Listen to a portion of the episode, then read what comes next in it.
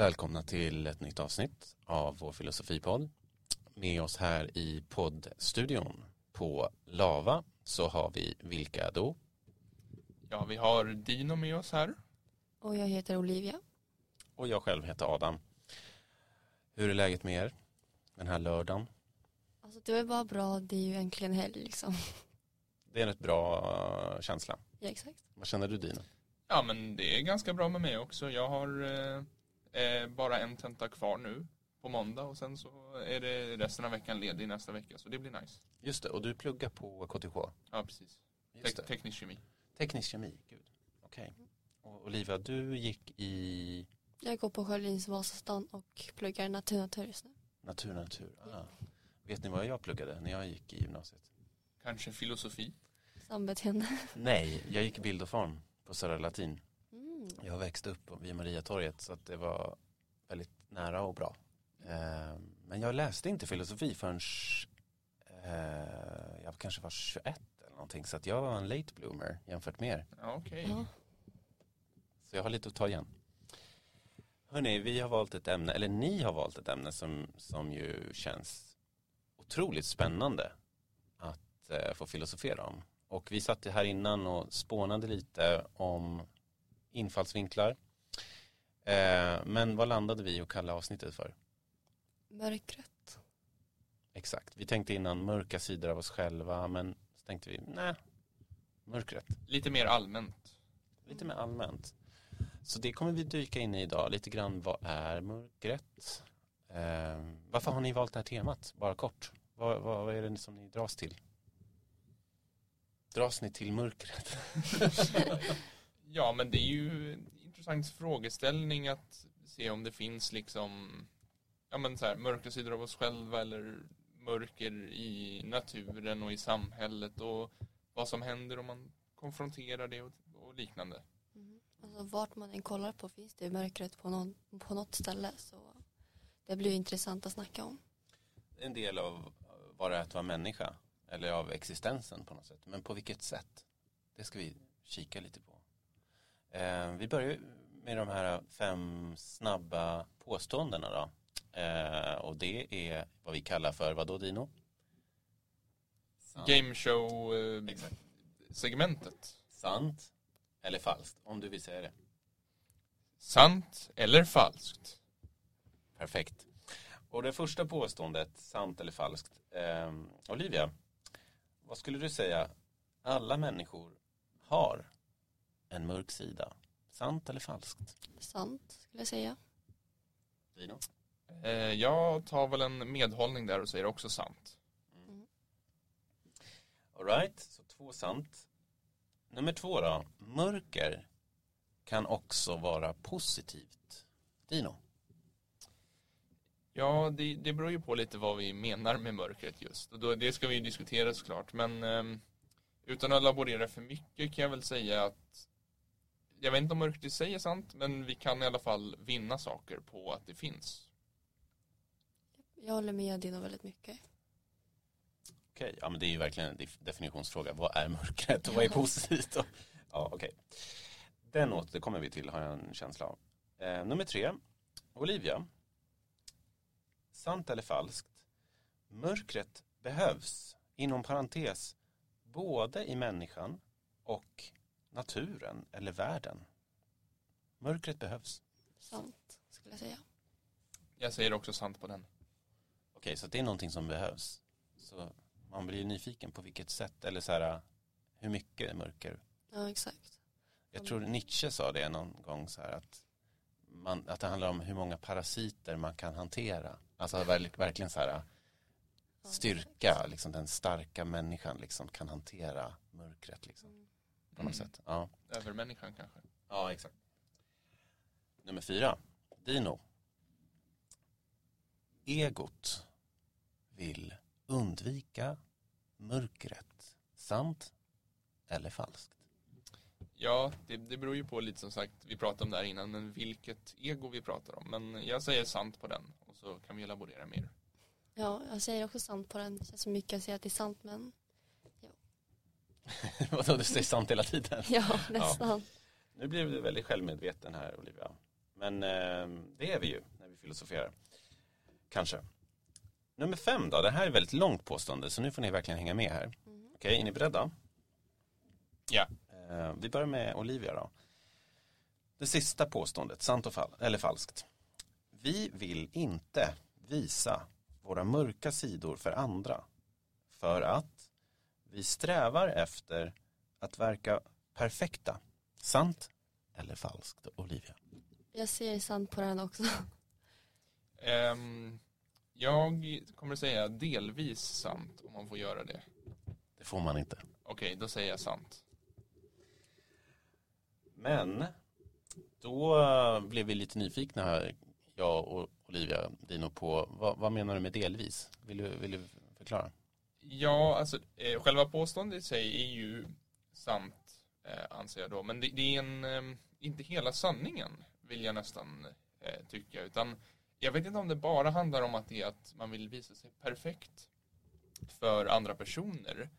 Eh, för att till exempel om man, vi talade om det här innan också, om man är i en relation med någon som man är till exempel väldigt bekväm med, då eh, kan det ju vara så att, eh, så att säga, då, är, då vet ju den här personen att man inte är perfekt, för ingen är ju perfekt.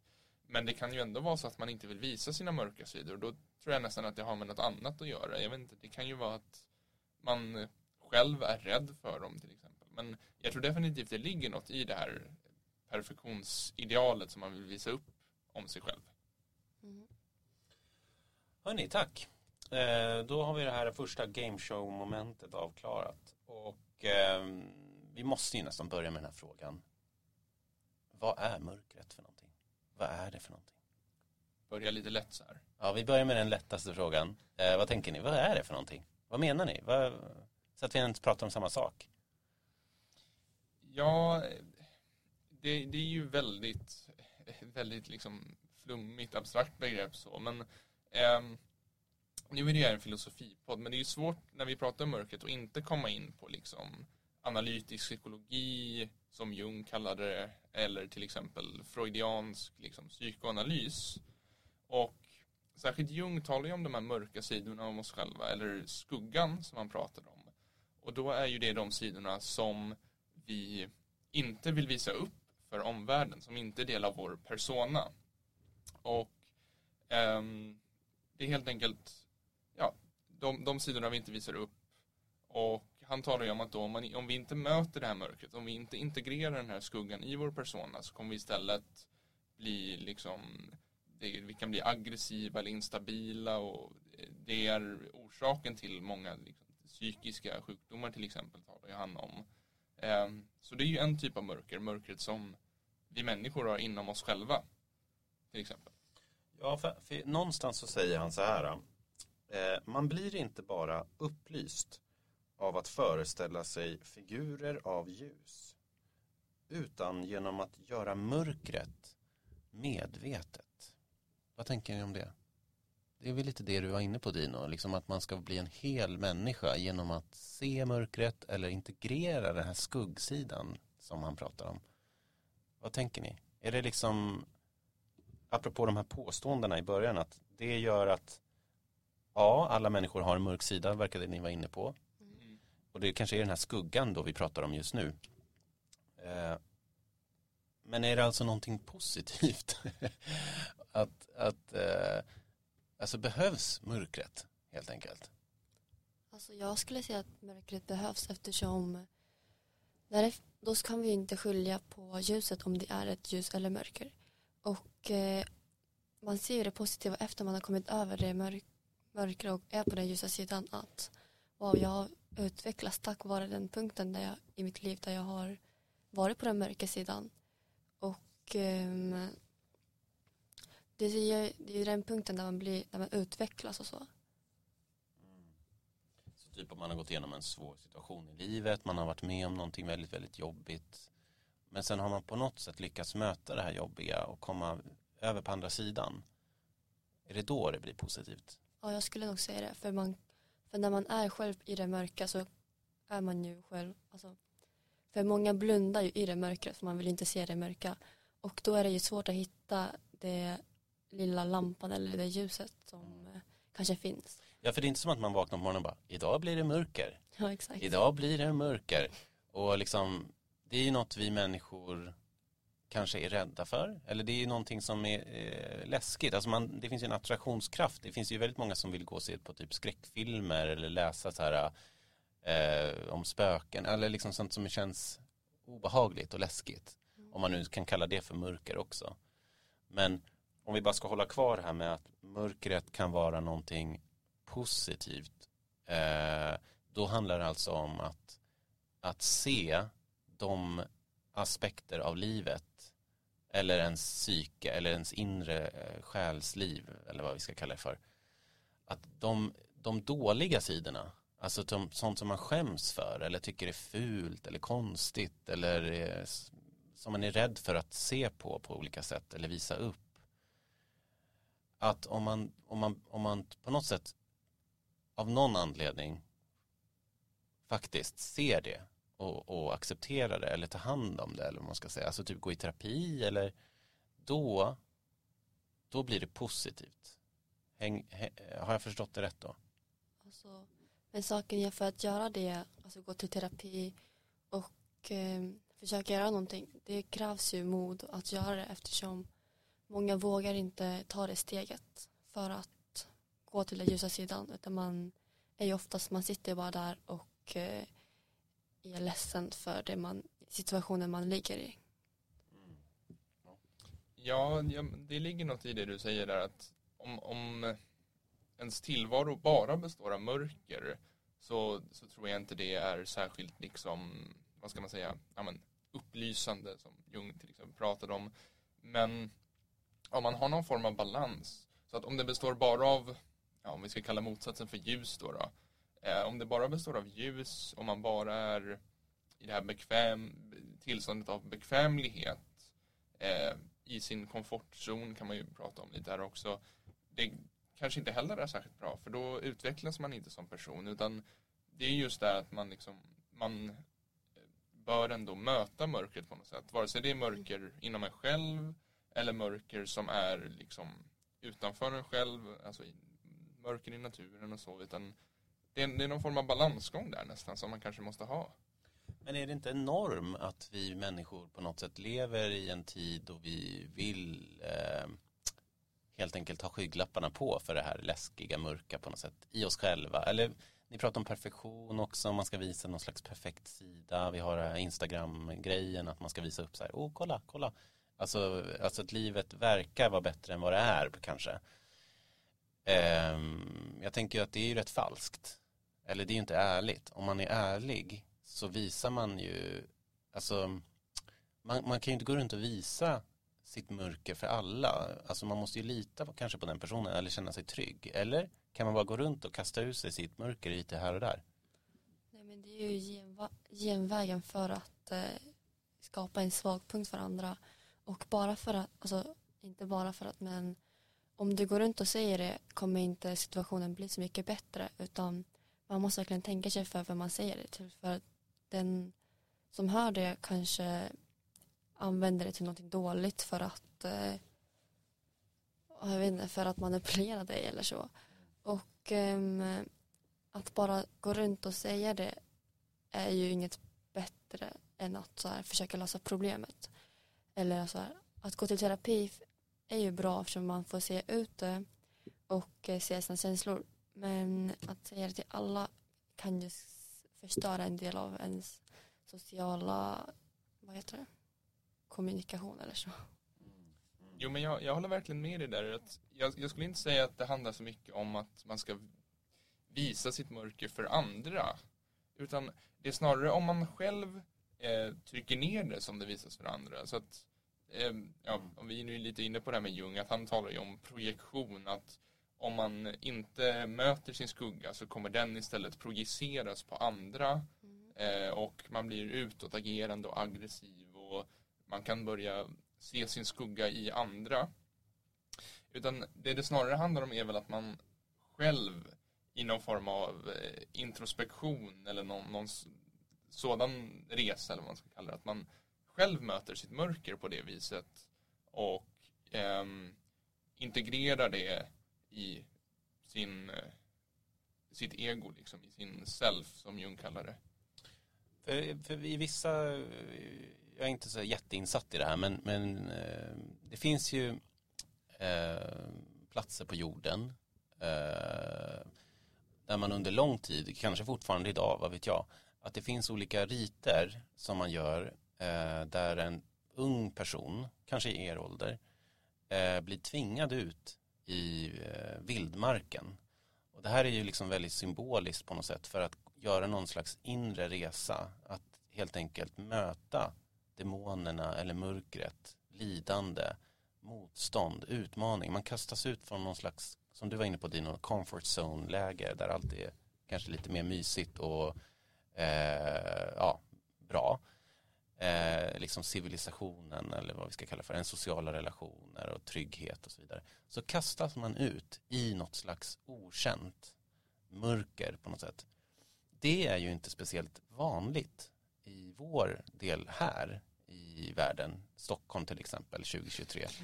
Eh, och nu förespråkar inte jag att vi ska börja kasta ut alla unga i vildmarken, men jag bara tänker liksom om vi tar ett tankeexperiment på det här. Eh, vad skulle hända tror ni om, eh, om inte bara unga utan människor överhuvudtaget i vår kultur uppmuntrades till att bejaka sitt inre mörker mycket, mycket mer. Eh, skulle det vara bra eller dåligt? Om vi bara börjar där. Ja, alltså om man, om man tänker de här att man gör den här symboliska resan på något annat sätt än att bli utslängd i vildmarken kanske, för det har ju lite andra liksom etiska problem. Men om vi bara, rent den här introspektiva resan där man ska på något sätt möta mörkret i världen och kanske mörkret inom sig själv då som en symbol. Jag tror det hade inneburit någon form av mer långvarig stabilitet på något sätt. Rent psykologiskt. Det är ju lite så här lite stoiskt eller buddhistiskt som vi var inne på att det, det här mörkret är liksom en del av vår värld i princip. Att det är inte så mycket vi kan göra åt det. Både mörkret, det utomstående mörkret och mörkret som vi har inom oss själva. Men att man genom att möta det och acceptera dess existens och försöka bemästra det snarare än att det bemästrar en själv så kan man nå någon form av ja, eh, buddhismen talar ju om upplysning och Jung hade ju det i sitt citat också, men han kanske menar mer att man ska bli hel som person. Jag, jag tror det hade lett till någon form av mer långvarig psykisk eller kanske samhällelig stabilitet också. Men det är ju svårt att veta såklart. Okej, så om, vi, om vi säger att vi hade det som en del av vårt sätt att leva, att vi inte är så rädda för mörkret eller det här inre resan att möta sina demoner och så vidare. Att det är något som främjas och uppmuntras och, och att man helt enkelt eh, vågar bejaka det mer, att det inte är en så stark norm att undvika det som det verkar vara av någon anledning. Eh, vad tänker du Olivia, skulle det liksom finnas fördelar med det eller skulle det kanske finnas nackdelar med det eller både och kanske? Alltså jag ser främst fördelar med det eftersom då slipper ju människor bara alltså, känna, sig, känna sig väldigt ensam när de är i den där situationen och tro att man är ensam i världen eftersom man vet ju att andra också känner detsamma istället för att bara kolla på sociala medier och tänka alla lever så lyckliga varför är jag det varför skulle just jag utsättas för det här? Men om det hade varit mer öppen så vet man ju att man inte är ensam att man alltså det är vanligare. Alltså att det är vanligt att man går igenom det här. Men nackdelarna skulle det ju vara att um, det kanske är för det kanske tas för enkelt typ kanske. Om alla kommer så här jag är deprimerad, jag är deprimerad så kanske så här ja men typ alla är deprimerade för det är ingenting speciellt. Så det kanske inte tas lika seriöst som det egentligen borde ha tagit. Ja, det, det känns nästan som att vi har lite olika idéer om eh, det här tankeexperimentet. För jag tänker inte att så här, det ska vara att man ska leva i totalt mörker, liksom att man, man, är, man ska vara deprimerad eller så, utan det handlar väl snarare om att, um, så att säga, om, om vi säger att innan man går igenom den här riten då, om vi tänker att det är en, någon form av rit, så lever man i någon värld som är väldigt ja, men, ljus då, om vi säger att det är motsatsen. Man är bekväm, man eh, har det ganska bra. Men eh, sen när man slängs ut i det här, då är det inte att man hamnar helt i mörker, utan snarare att man på något sätt ser att mörkret finns också. Men att det, det finns fortfarande ljus, men det finns även mörker och så har man en balans mellan det på något sätt. Mm. Men eh, jag håller med, du, du gör väldigt bra poänger också Olivia. Att till exempel eh, att det kan vara bra att se att andra går igenom samma sak också. Det finns ju inom existentialismen eh, många tankar om det här med eh, skulle jag säga med mörker och vi nämnde det lite tidigare eh, Nietzsche och du pratade lite om eh, en av hans eh, förebilder Schopenhauer eh, som ju ses som en väldigt skept, vad kallar man det för, pessimist, pessimistisk filosof på ett sätt. Typ. Ja. Ehm, så jag funderar lite grann på liksom, för att existentialism existentialismen, de förespråkar ju väldigt mycket att vara autentisk, att eh, helt enkelt ens ångest kan ha en existentiell karaktär. Alltså ehm, eh, det handlar inte bara om lidande utan någon speciell anledning utan det handlar om att det är som en inre röst som vill säga någonting viktigt, typ en samvete som vill säga så här, ta vara, Olivia till exempel, Olivia ta vara på din, din tid, ta vara på dina möjligheter, släng inte bort ditt liv och att det här skapar en ångest. Alltså, det kan ju skapa FOMO också, att man känner så här, shit vad ska jag göra, vad ska jag välja? Eh, och så kanske man då väljer att inte lyssna på den här rösten och tuffa vidare för att det är bekvämt och det är skönt att slippa välja och sådär. Men så existentialisterna tror jag också har en del att säga om det här med mörkret av att, att vara människa och också eh, så upplever jag att de, de menar liksom att ehm, eh, jag tror vi har varit inne på det lite tidigare att liksom vi människor går igenom kriser. Vi människor eh, det är en del av att vara människa att, att lida. Att eh, gå igenom väldigt svåra saker utmaningar som man inte själv kan alltid eh, välja. Saker händer liksom i, i livet. Eh, och att om man har eh, om man har helt enkelt en, det finns ett ord, resiliens. Har ni hört det ordet? Jo då. Ja. Eh, Okej, okay. hur skulle du förklara din resiliens i det här sammanhanget? Alltså typ existentiell resiliens. Alltså att typ kunna, ja. Ja, det är väl ja, lite svårdefinierat som det mesta inom filosofi, eller på att säga. Men det handlar väl om att man, alltså resilience på engelska och resiliens, det allmänt betyder att man utstår någonting. Eh, man, man står ut med en situation. Och i det här fallet är det väl att man liksom lär sig stå ut med och lär sig leva med de här, liksom, det här mörkret så att säga som finns. Skulle jag säga. Men jag man kan ju se det typ i naturen eller? Alltså resilience, att det finns, eh, att man kan utveckla, alltså att både växter och djur kan ha en resiliens, eller är det bara män, mänskligt liksom?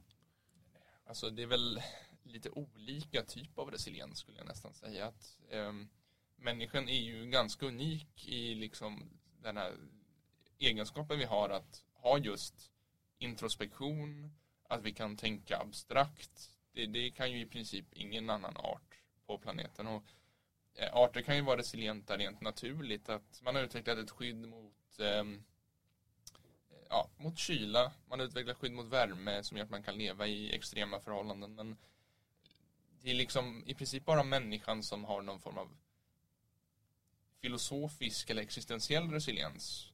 Och det är väl också för att människan är den enda som behöver ha det. För att det är inget annat djur som sitter och filosoferar och tänker på existentiella frågor liksom. Nej, behöver ju inte tänka på det just för att de är ju bara ute efter att vara mätt, sova och eh, jag vet inte, typ jaga. Och, och det behöver inte andra arter för de människor som du säger.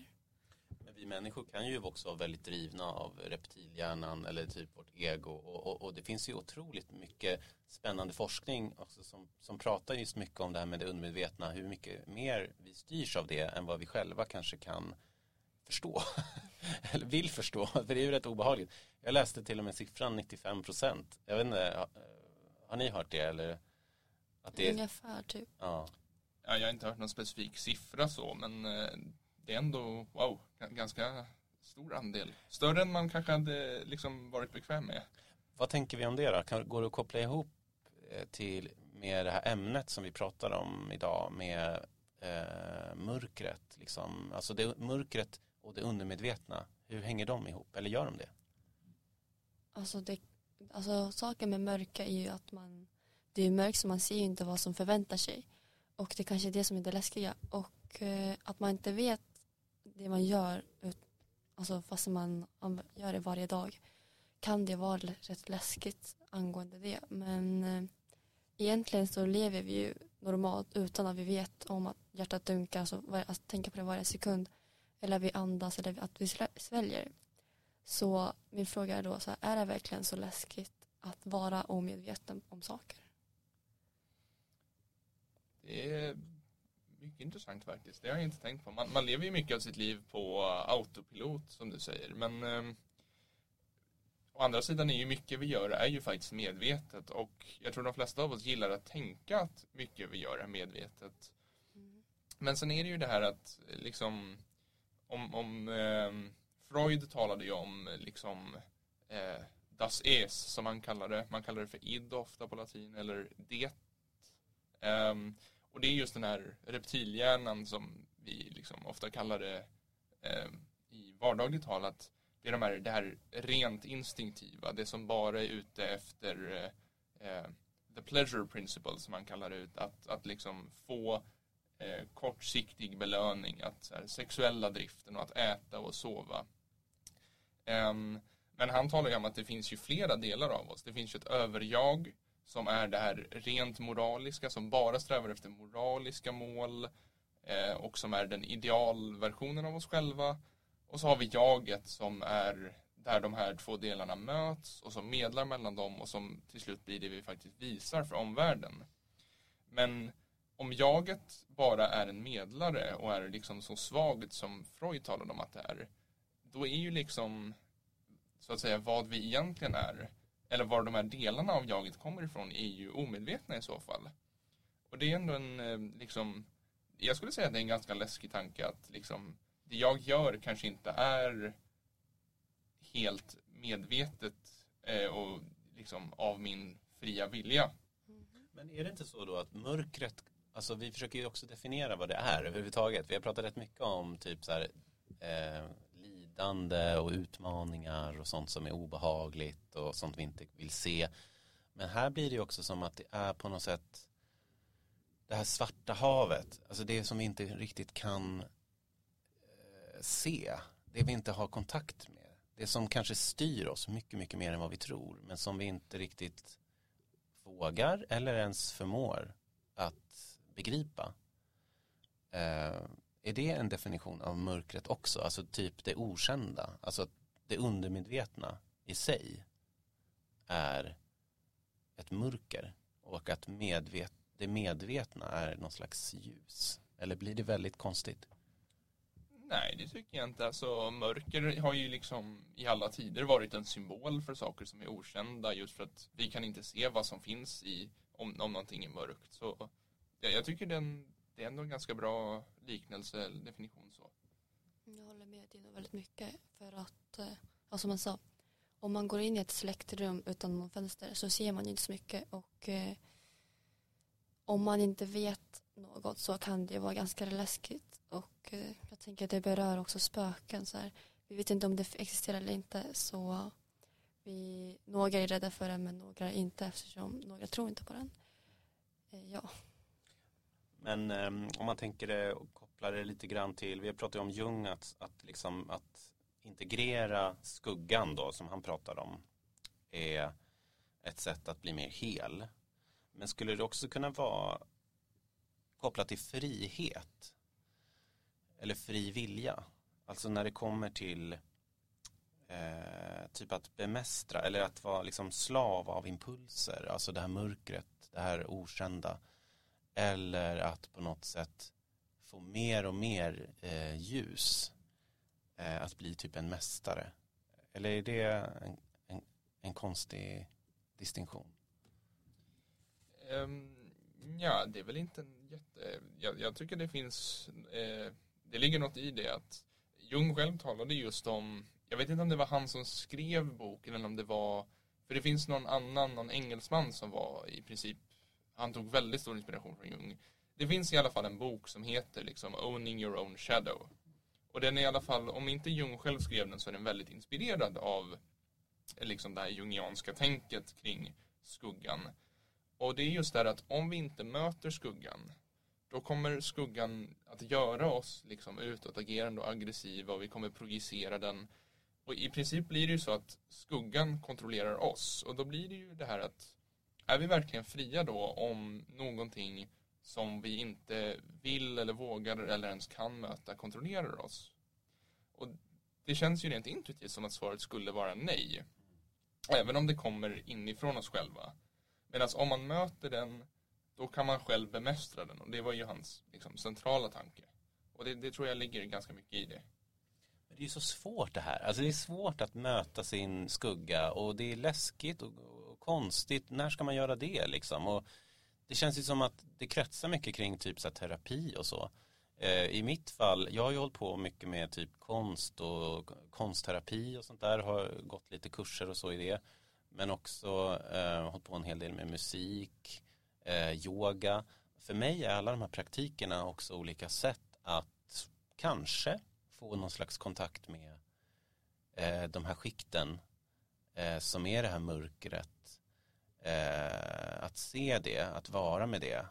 Eh, och att det kanske inte bara handlar om att man ska förstå det intellektuellt. Liksom. För ofta tror jag att det kan bli en barriär mot att kanske hela vissa saker eller att bli hel. Att, att, att man skyddar sig med en massa ord så, alltså vi sitter ju här nu och filosoferar och använder ord och sådär. Men att det kan också vara ett skydd ibland tror jag. Från att helt enkelt släppa in det här mörkret och, och, och, och låta det få, få verka. Liksom. Vad tänker ni? Eh, musik, konst, yoga, finns det olika sätt vi kan få kontakt med det här mörkret? För det låter inte som att man säger, ah yes, jag ska gå, efter jag lyssnar på det här avsnittet, då ska jag möta mitt mörker. okej, okay, hur då? Eller så här, varför det? Alltså, jag tänkte så här, de där musik, alltså musik, yoga, att rita.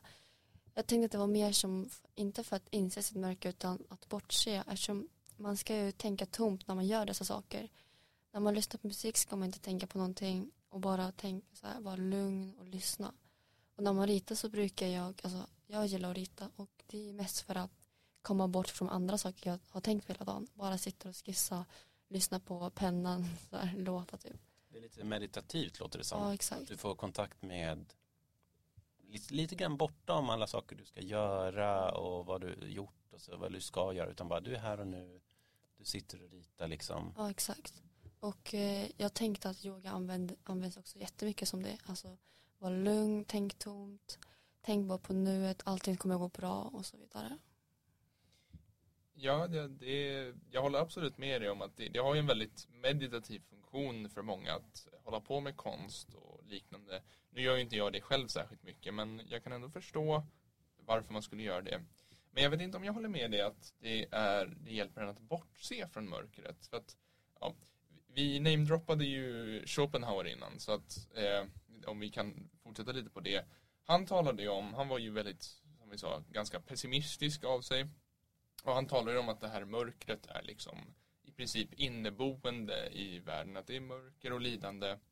Och att det finns i princip två sätt att åtminstone bemöta det och acceptera det.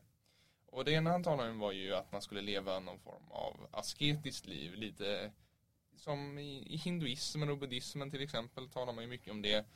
Men att ett mer tillgängligt sätt, eller ett sätt som är mer tillgängligt för liksom, lekmän i alla fall, är ju att man eh, just håller på med konst. Och det behöver inte vara att man själv skapar konst utan det kan vara att man lyssnar på musik, att man ser en tavla som man verkligen tycker liksom eh, speglar en själv och, och liknande. Och det, det, tror jag ligger mycket i det att konst jag har hört det citatet att konst är en, ett fönster in till själen.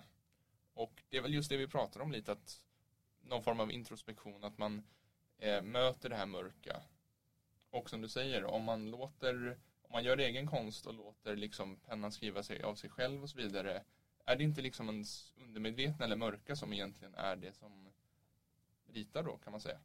Mm, så du tycker att eh, att utföra de här sakerna är mer som att inse dem istället för att bortse dem?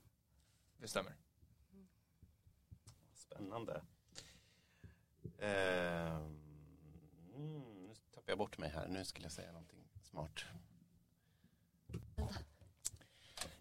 Yes, eh, men jag blir nyfiken på nu idag, ni kanske har hört det, att man liksom inom politiken och så verkar tycka att konst och eh, filosofi och sådana här grejer är rätt så onödigt. Att man kanske ska kapa, ta bort. Eh, det är väldigt problematiskt tycker jag. Eh, det är lite som att kapa bort vad som gör oss till människor. Och jag tror anledningen att man, att man gör det, det är att vi lever i en tid när man ska mäta och kunna liksom konkretisera allt. Det finns ju otroligt mycket forskning som visar att det finns extremt mycket positiva effekter. Om det är det man måste ha som argument eller för att legitimera att hålla på med konst, musik, filosofi och sådana här saker i skolan nu som exempel.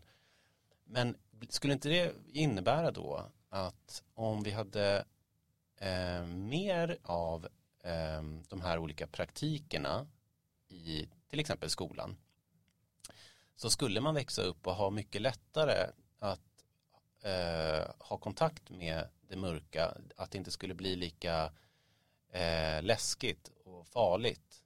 Eh, att man inte skulle verka vara perfekt, att man skulle kunna vara mer sårbar, att man inte skulle känna sig ensam i psykisk ohälsa till exempel. Eh, jag, kan komma på rätt många fördelar. Eh, är det inte lite märkligt liksom att man på något sätt i vårt samhällsklimat är så himla så här nej men det där är väl lite bara onödigt, du sitter och ritar, nej liksom.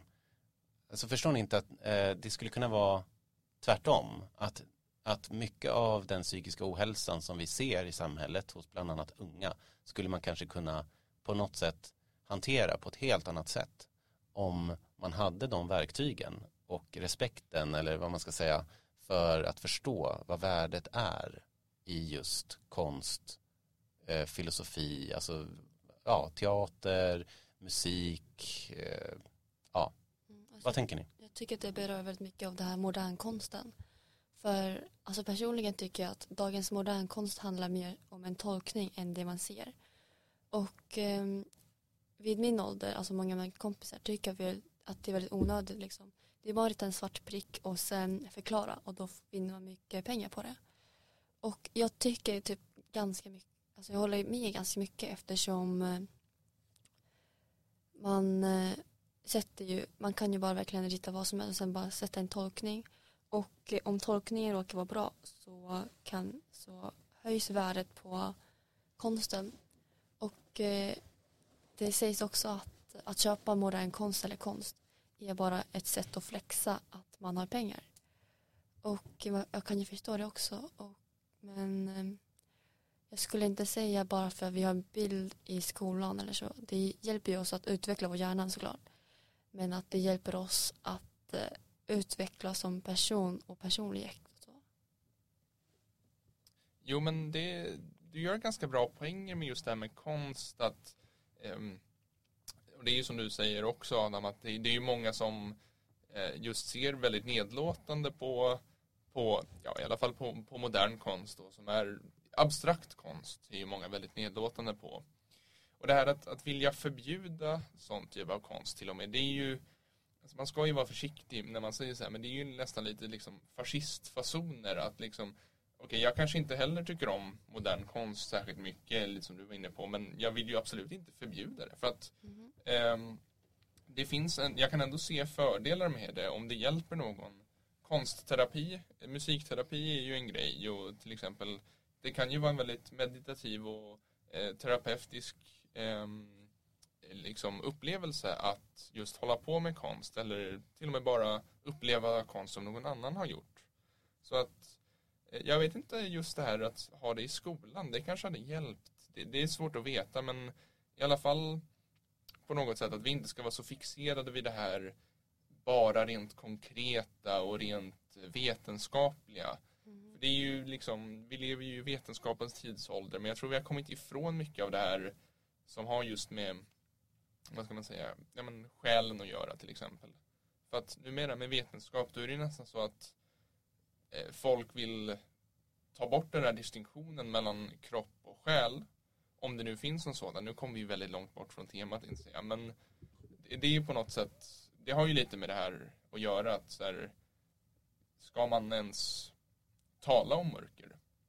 Eh, och ska man använda konst för att bemöta sin själ och de här sidorna av ens själv som man har svårare att se? Och det kan jag definitivt se något värde i, den, personligen i alla fall. Mm. Så um, vi ska snart börja avrunda tänker jag. Men om vi då leker med tanken att eh, vi har ett samhälle där vi pratar om sånt här mycket oftare med kompisar, med familj, eh, i skolan, eh, vad vet jag, filosofiklubben. Eh, men att vi liksom, eh, vi har nära till mörkret. Eh, vad, vad, vad, skulle, hur skulle det se ut? Ehm, vad skulle hända med våra relationer eller med hur vi lever? Vad tror ni? Alltså det att det fanns plattformar och en, mycket större möjlighet till att möta mörkret och eh, eh, inte att det är något nödvändigtvis dåligt eller så. Ja, alltså man kan ju göra det idag också, alltså ganska stora plattformar, typ så här. Fast då är det bara att eh, typ det är BRIS eller skolkuratorn, skolkuratorn som känns som att som många har emot fortfarande än idag eftersom de tänker men jag har inget fel eller sådär, alltså det är inget fel. Men att de tänker på det viset och väg, alltså så här, vägrar att gå dit. Mm. Alltså för, bara för att prata eller så. Mm. Så jag tänker också så här, bilden på terapi eller så måste ju också ändras för att det ska ske en utveckling. Just det, för terapi kan ju ofta ses som, apropå det du sa Dino, det här med att vi lever i en tid där vi ska på något sätt mäta och ta på, alltså att det är, eh, vad ska vi kalla det för, den tiden som vi har, det är eh, mätbarhetstiden. ja, typ. okay. Men att man liksom, eh, man, man värderar terapi, alltså så här, eh, mörker är ju naturligt. Mörker är inget man måste bota eller bli av med utan något man behöver se och bejaka och integrera. Om vi ska gå på Jungs till exempel sätt att tänka och det vi har filosoferat om här. Ehm, för där blir det ju en viktig skillnad. Så är det det du menar Olivia att allt mörker eh, kan man inte gå till BRIS eller till skolkuratorn med. Eh, eller är det de plattformarna som finns eh, som, som man kan liksom använda för mörkret? Jag tänker mer som så här, alla har ju ens mörker och eh, jag gissar på att många vill ju snacka om det. Men många vill ju inte erkänna att man har vad säger man, fel på sig själv för att eh, BRIS och skolkuratorn har sådana bilder av att de som mår dåligt går dit, alltså de som är inte psykiskt de som inte är normala går ju dit, har, finns bilden. Och då är det ju många som undviker att prata om det. Så här, ah, ja, va? Jag går inte till skolkuratorn, vem gör det egentligen? Fast man gör det själv och vilket bara stänger in sig själv i det bilden att eh, det inte är normalt. Så alltså om eh, bilden av det här eh, ställena förbättras genom att det är bara något ställe man kan gå och prata med. Inte, in, inte bara för att man har, man har psykisk ohälsa utan bara någonstans att prata med är det ju, skulle vara ett bättre ställe att kunna göra det på. Jo men det, det ligger verkligen något i det där tycker jag också att det finns ju ett väldigt stort stigma av att till exempel gå i terapi eller att eh, liksom, ja, gå till kuratorn och, och, prata om att man mår dåligt. Men det är ju det är som att, det är ju återigen det här som vi talade om innan att egot vill inte acceptera mörkret och att eh, vi vill ogärna acceptera att vi har den här sidan. Och då blir det ju så att eh, mörkret kontrollerar en själv, eller skuggan som vi pratade om, att snarare än att man kontrollerar den.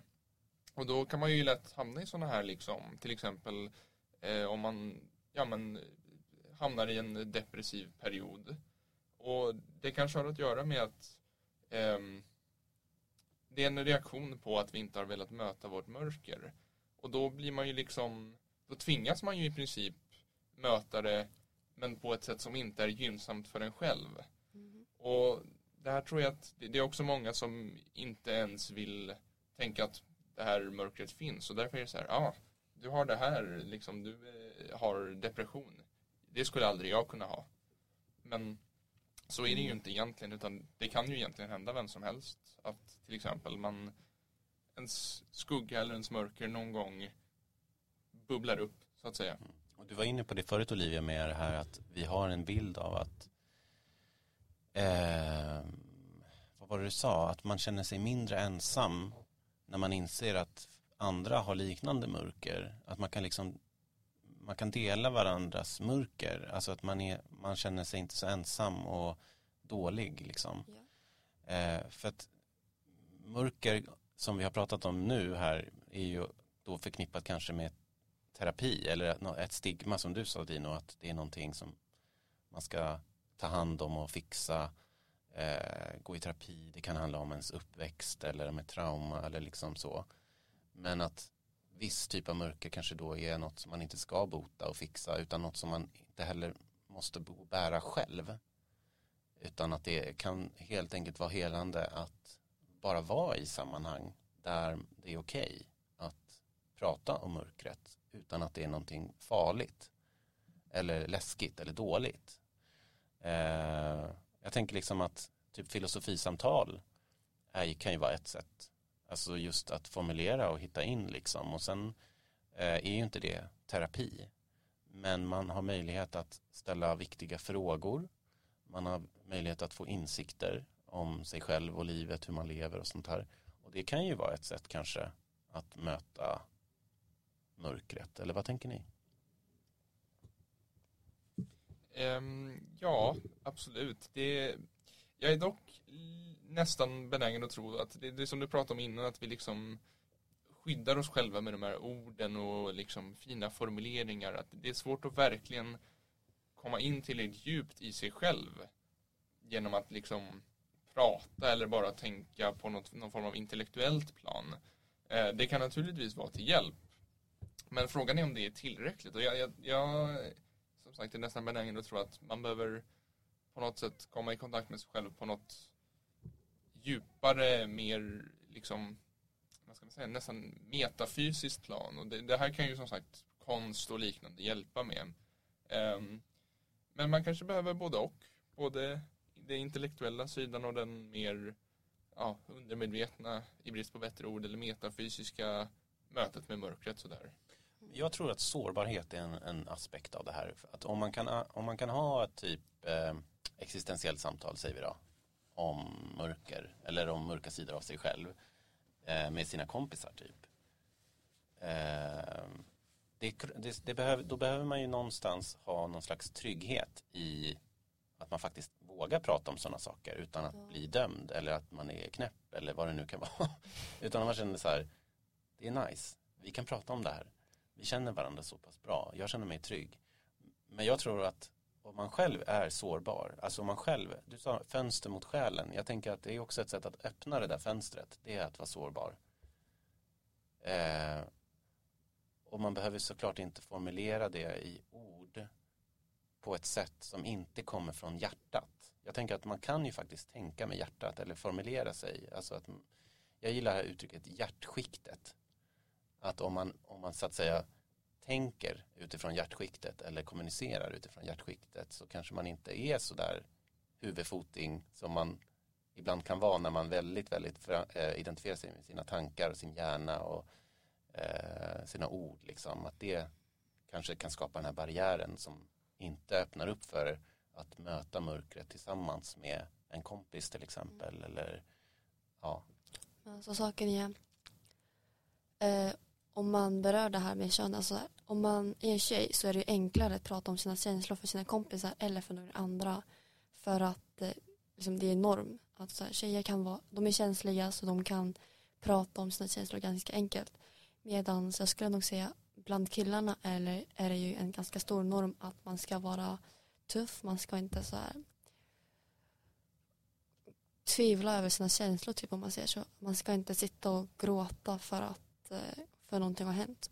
Utan man ska bara gå över det och eh, blunda, alltså så här, bara lägga det bakom sig istället för att prata om det. Och det gör ju det så att det blir svårare att prata om sina känslor för män eller killar då.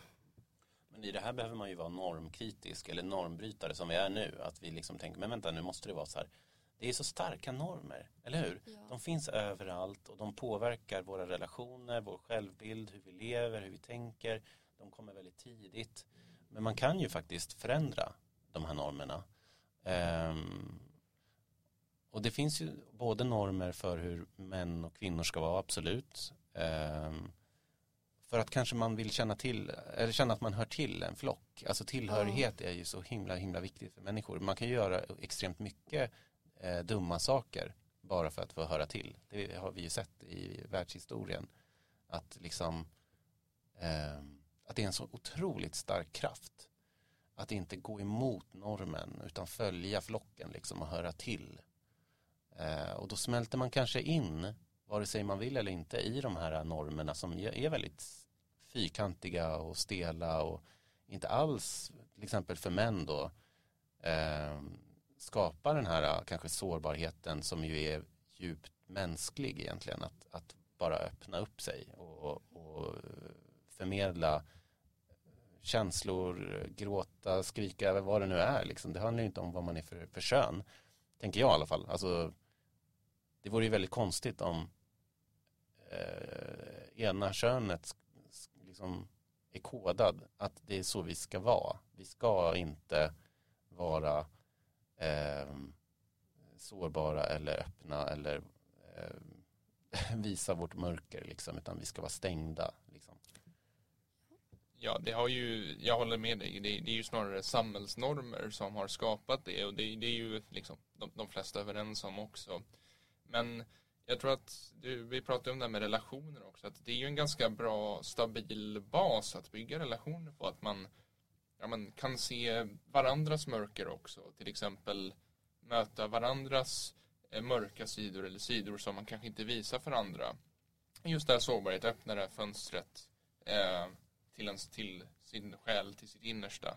Och det, det, det tror jag utgör en ganska bra bas Oavsett om det är liksom romantiska relationer eller vänskapsrelationer eller ja, bara generellt eh, för att få kontakt med andra människor på någon, någon, form av djupare plan än bara att vara bekant med någon. Men vi ska avrunda här. Eh, är det något som ni vill slänga med in till lyssnarna som, som tips för eh, något som ni kommer att tänka på här i samtalet som handlar om just så här, hur kan man bli mer sårbar eller ärlig eller öppen med sitt mörker i sina relationer i sitt liv. Alltså någonting som ni vill kasta in som att man skulle kunna testa och se vad som händer. Eller kanske en fråga man kan ställa sig. Kommer ni på någonting? Ja, rent spontant, jag vet inte om det här har liksom, det är väl inte specifikt bara för relationer i alla fall, utan det kan vara ganska generellt eh, för att ja, men, möta och acceptera och äga sitt mörker då att eh, konst är ganska bra. Generellt, lyssna på musik, eh, måleri och det behöver inte vara att man gör det själv utan bara konsumera konst eller producera konst. Eh, så man kan göra det tillsammans med andra och sen kanske prata om det eller bara dela upplevelsen eller också göra det själv egentligen? Ja, det beror väl på om man eh, till exempel vill utforska det här kollektiva mörkret eller kollektiva liksom undermedvetna som Jung talade om eller sitt eget om man vill göra någon form av introspektion. Liksom. Alltså jag tycker det är främst viktigast att eh, prata med sig själv om man, om man kan använda det begreppet. Uh, att tänka vad man känner själv istället för att bry sig om vad andra kommer tänka om en. Och bara istället för att försöka passa in kan man ju tänka själv, är det här verkligen, vad gör jag just nu, vem är jag, varför känner jag så här istället, alltså man måste ju inte prata ut det. Det är en bra väg för att börja men det är inte ett måste om man inte känner sig bekväm vid att prata med någon annan. Okej hörni, det är dags att avrunda. Tack så mycket för ett jättespännande samtal. Ehm, som vanligt är det som att man önskar lite grann så här, del två, när kommer den? Vi får se om det blir en del två då. Ja, det, det är ju nästan, kan man ju nästan säga om varje avsnitt att ja. vi, vi behöver prata mer om det här. Vi behöver prata mer om det här. Men det är ju därför vi väljer de här ämnena också för att vi hoppas att det ska inspirera våra lyssnare så att de kan kanske hitta sin egen filosofi och hitta sina frågor och sådär. Så stort tack till Olivia och till Dino. Tack själv. Tack så mycket, tack så mycket.